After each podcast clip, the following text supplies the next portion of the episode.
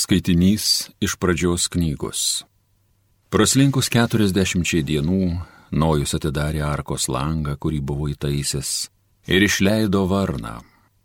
Jis skraidžiojo šiandien ir ten, laukdamas, kol žemėje išdžiūvo vandenys. Tuomet Nojus išleido iš arkos balandį, pažiūrėti, ar vandenys buvo nusekę nuo žemės veido. O balandis negalėjo rasti vietos aukojoms pailsėti ir sugrįžo pas jį į arką, nes vandenys dar tebe buvo ant visos žemės veido. Jis ištiesi ranką, paėmė balandį ir įkėlė į savo arką. Palaukęs dar septynias dienas, jis vėl išleido iš arkos balandį. Vakaro metu balandis sugrįžo pas jį ir štai jau snape buvo nuskintas alyvmedžio lapas. Nojus nun žinojo, kad vandenys žemėje jau buvo nusekę. Tuomet jis palaukė kitas septynias dienas ir vėl išleido balandį. Šį kartą tasai pas jį nebesugrįžo. 601 metais, pirmą mėnesį, pirmojo mėnesio pirmą dieną, vandenys pradėjo sekti žemėje. Nojus nuėmė arkos dangą, apsižvalgė ir pamatė, kad žemės veidas džiūvo. Tuomet Nojus pastatė viešpačiui aukurą. Ir parinkęs iš visų švariųjų gyvulių, ir visų švariųjų paukščių paukojo ant aukoro deginamasias aukas. Kai viešpats užuodė malonų kvapą, viešpats savo tarė, niekada daugiau nebepasmerksiu žemės už žmonių kaltes, nes žmogaus širdies polinkiai yra pikti nuo pat jaunystės. Niekada daugiau nebenaikinsiu visų gyvūnų, kaip esu padaręs. Lygi tik žemė tvers, sėja ir pjūtis, šaltis ir šiluma, vasara ir žiema, diena ir naktis nesiliaus. Tai Dievo žodis.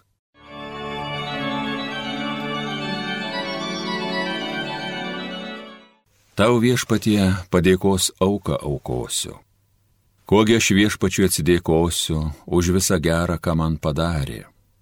Išganimo taurę pakelsiu, viešpaties vardą kartosiu tau viešpatie padėkos auką aukosiu. Aš jam pažadus atitesėsiu prieš visą jo tautą. Viešpaties akise didžiai brangus, mirštantys jo teisėjai. Tau viešpatie padėkos auką aukosiu. Aš viešpačiui įžadus atitesėsiu prieš visą jo tautą. Viešpaties būsto atšlainius vidury Jeruzalės miesto. Tau viešpatie padėkos auką aukosiu. Alleluja, alleluja, alleluja. Mūsų viešpaties Jėzaus Kristaus tėvas te apšviečia mūsų dvasios akis, kad mes pažintume, kokia yra viltis, į kurią mes esam pašaukti. Alleluja.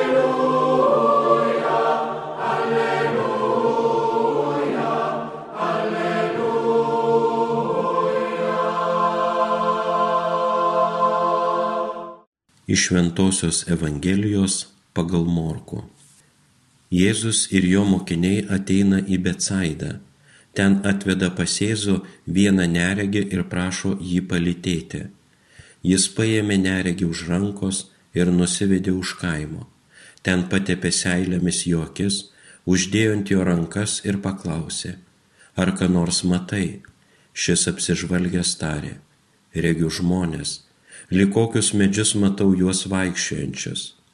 Jėzus vėl palėtė rankomis jo akis ir jis visiškai praregėjo, tapo sveikas ir viską ryškiai matė. Jėzus išsiuntė jį namo sakydamas, tik neužeik į kaimą.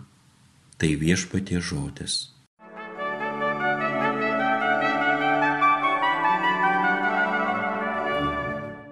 Mėly Marijos radio klausytojai, girdime ir matome kartu aprašyto Morkaus Evangelijos ištrauką ir Jėzaus ženklą, kaip sakytų evangelistas Jonas, o sinoptikai Matas, Morkus, Lukas tai vardina stebuklu. Tai yra aklumo išgydymas. Betsaida išvertus reiškia žvejybos namai. Tai apaštalų Pilypo, brolių Andrėjus ir Petro gimtinė. Prie Betsaidos Jėzus Kristus šiandien, kaip girdėjome, išgydė aklą žmogų. Taip pat padauginęs duoną ir žuvę pamaitino penkis tūkstančius vyrų. Priekaištavo žmonėms, kad nepriima jo mokymo. Pasak istoriko Juozapo Flavijaus, tetrarchas Erodas Pilypas Betsaidoje pastatė rūmus, įkūrė miestą, kurį Augusto dukters garbiai pavadino Julijumi. Čia Erodas Pilypas ir palaidotas. Aklumas buvo ir iki šiol tebėra rytų problema.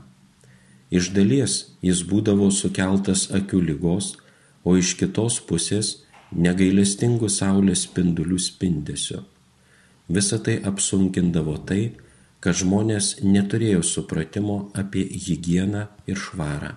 Dažnai buvo galima pamatyti žmogų pūlingomis akimis, ant kurių tupėdavo musės.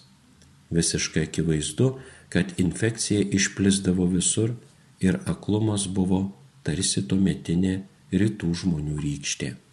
Šį epizodą pristato tik evangelistas Morkos, o jame nebejotinai yra labai įdomių momentų ir detalių. Pirmas dalykas. Čia galime pamatyti nepaprastą Jėzaus subtilumą ir jautrumą. Jis išvedė aklą iš minios, kad būtų vienas su juo. Kodėl? Šis žmogus buvo aklas ir matyt nuo gimimo.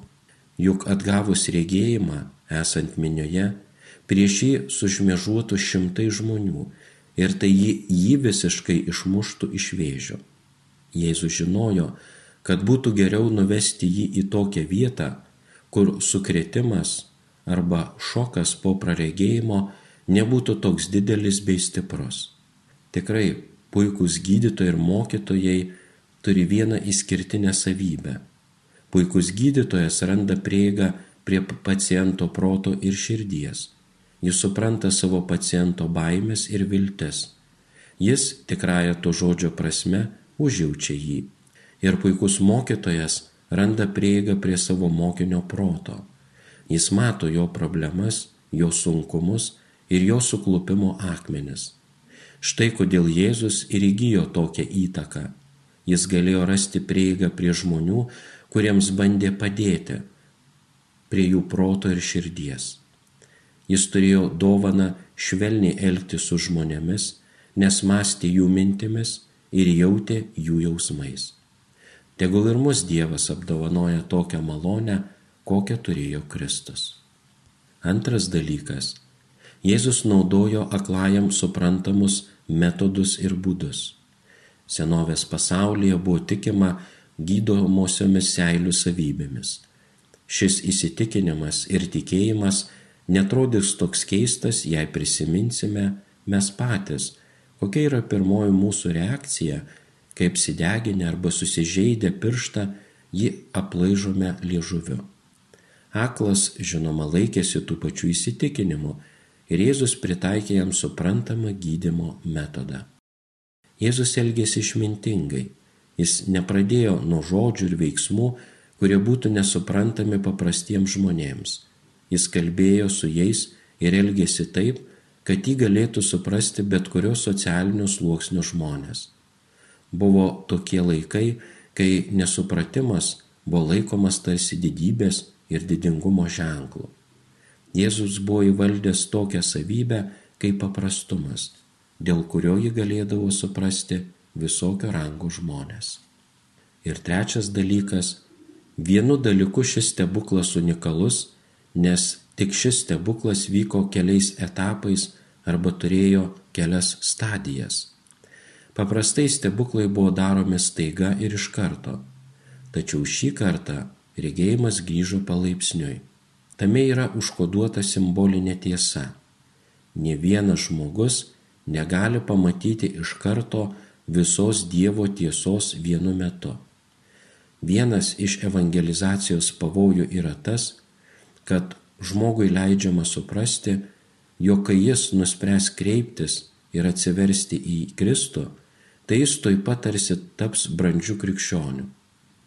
Vienas iš priklausimo bažnyčiai pavojų yra tas, kad šis priklausimas gali būti interpretuojamas taip, tarsi tapus bažnyčios nariu, žmogus iškart atsiduria jau kelio pabaigoje, finiše.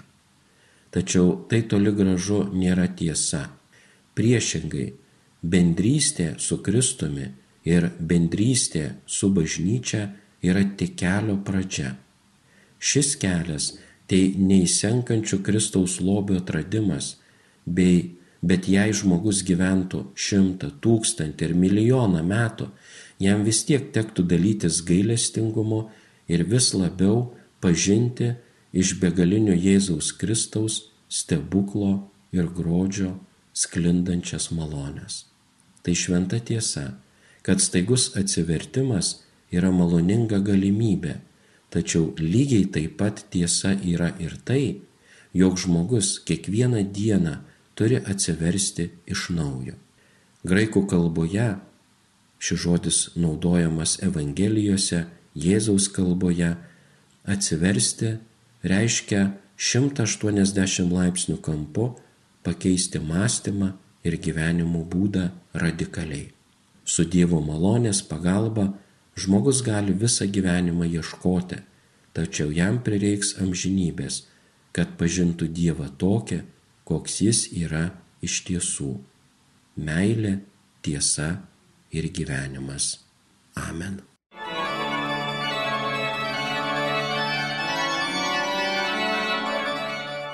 Homilija sakė kunigas Juozas Fakėjevas.